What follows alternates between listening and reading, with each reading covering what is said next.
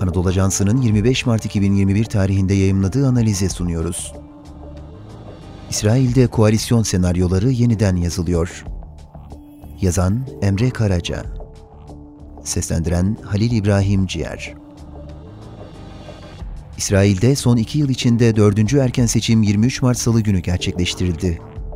Güncel duruma göre oyların yaklaşık %90'ının sayıldığı seçimde en merak edilen konu bu kez herhangi bir bloğun koalisyon kurmaya yetecek çoğunluğa ulaşıp ulaşamadığı oldu. Yaklaşık 6,3 milyon seçmenin oy hakkı bulunan seçime katılım oranının %67 civarında olduğu ve bunun 2009 seçimlerinden bu yana kaydedilen en düşük katılım oranı olduğu belirtiliyor. İsrail'de her ne kadar oy sayımı henüz tamamlanmasa da genel tablo şekillenmiş görünüyor. Ülkedeki seçim barajının %3,25 olması parlamentoda farklı görüşlerin oldukça geniş bir yelpazede temsil edilmesini mümkün kılıyor. İsrail seçim sistemine göre hükümetin kurulabilmesi için 120 sandalyeli Neset'te vekillerin yarıdan bir fazlasının bir araya gelmesi gerekiyor.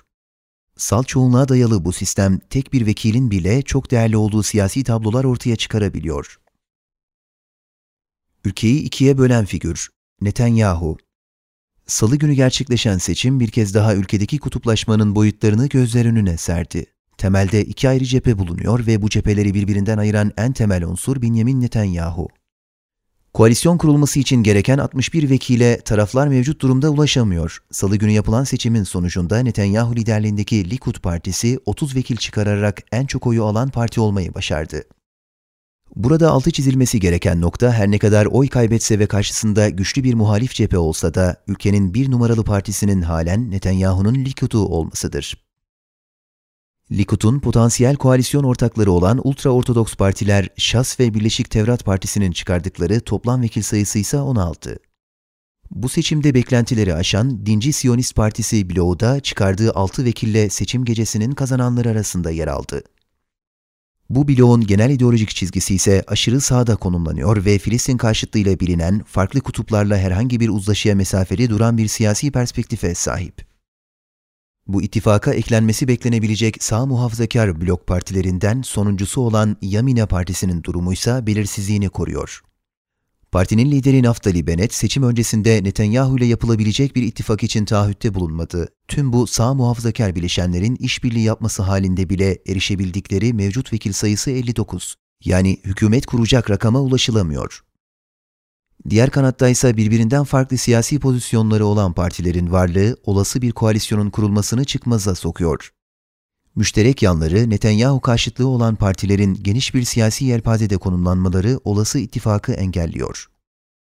Yeniden seçim olur mu? İsrail basınında Türkçe'ye bugün aslında dündü şeklinde çevrilen Groundhog Day filmine gönderme yapılarak da tasvir edilen son iki yıldaki seçim maratonunda korkulan senaryolardan biri de yeni bir seçime ihtiyaç duyulması. Her ne kadar oyların %90'ından fazlası sayılsa da çoğunluğu posta yoluyla atılan oyların sayımının da bitmesi bekleniyor. Tüm oy sayma sürecinin sona ermesinin ardından Cumhurbaşkanı koalisyonu kurmaya en yakın gördüğü isme hükümeti kurma yetkisi verecek. Teamül gereği bu isim Netanyahu olacaktır ve 28 gün içinde hükümet kurulmazsa bu yetki başka bir adaya devredilecektir. İsrail siyasetinde yeni bir seçimin ufukta görünmemesi için güncel statükoyu bozacak bir hamlenin gerçekleşmesi elzem ve bu olasılık vuku bulursa yeni dönemde de entrikaların eksik olmayacağı bir siyasi atmosfer şimdiden garantilenmiş olacaktır. Spotify, SoundCloud ve diğer mecralardaki podcastlerimizi dinlediğiniz için minnettarız. Lütfen abone olmayı unutmayın.